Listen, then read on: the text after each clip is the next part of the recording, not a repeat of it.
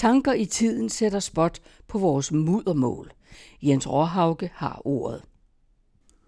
Vort muddermål er hæsligt, det har så fæl en klang, synger Paul Dissing en af Benny Andersens sange. Og når man lytter til den forfaldsdebat, som til alle tider har været, og stadig er sprogets uægte barn, så kan man friste til at bifalde karakteristikken, så fæl en klang.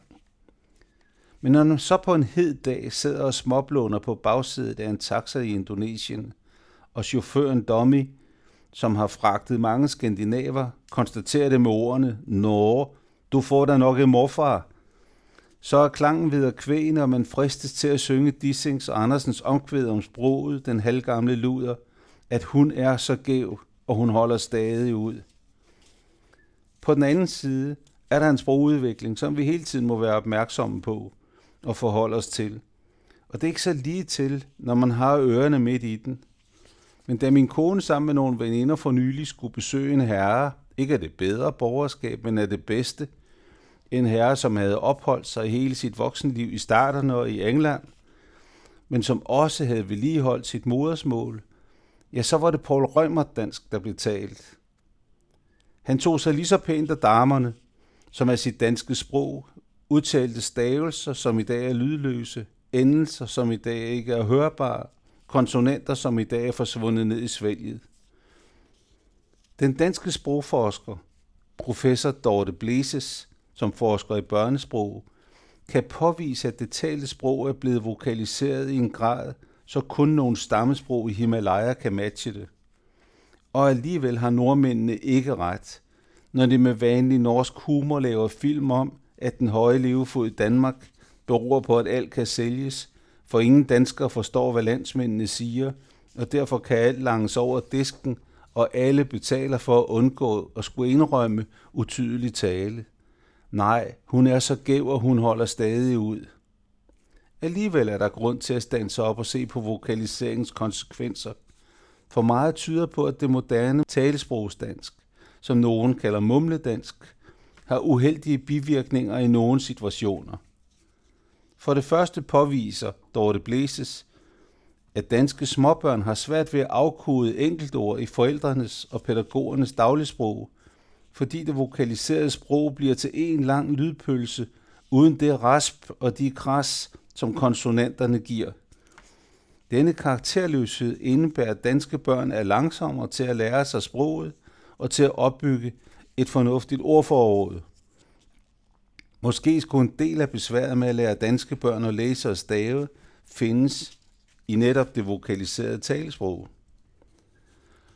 For det andet overbevises enhver hver af os dagligt om, at der mumles rigeligt i medierne. Både af Mads Mikkelsen på film og af studieværter i DR1, TV2, P3, P4 osv. Og selvom Bent Falbert i en klumme har skrevet, at det virkelige problem først viser sig, når man forstår, hvad de siger, så er det kritisabelt, når massekommunikation mumles.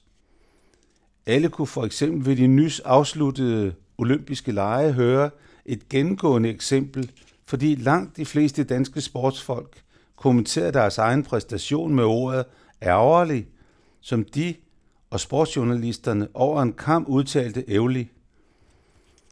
Fænomenet er selvfølgelig et udtryk for den såkaldte demokratisering af mediernes sprog, i og med at dagligdagens sprog har vundet indpas. På den anden side er man vel interesseret i at blive forstået. Og selvom vi i dag har tekniske muligheder for at bruge det personlige møde, hvad siger du, ved at afspille den ikke forståede sekvens igen, så gør en repeteret sætning sig ikke umage i anden omgang, sådan som en person ville gøre det. Den gentager blot det ikke forståede. Hvis man hører islændinge og færinger tale dansk, så lyder det i mange danskers ører som et lidt gammeldags dansk, en art far til fire i første udgaven dansk. Det synes vi, fordi de netop udtaler alle konsonanterne og endelserne.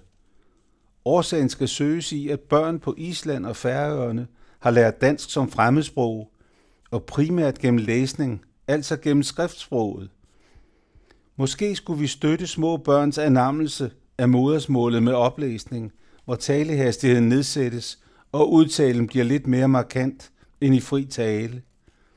Måske skulle tv på dansk tekstes lidt oftere, Ikke bare for hørehæmmet, men bare for forståelsens skyld. Og måske skulle vi lade radioværterne mumle videre, hvis Ben Falbert har ret.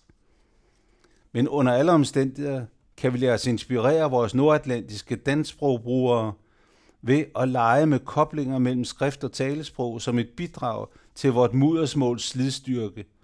For forståelse fremmer udholdenheden.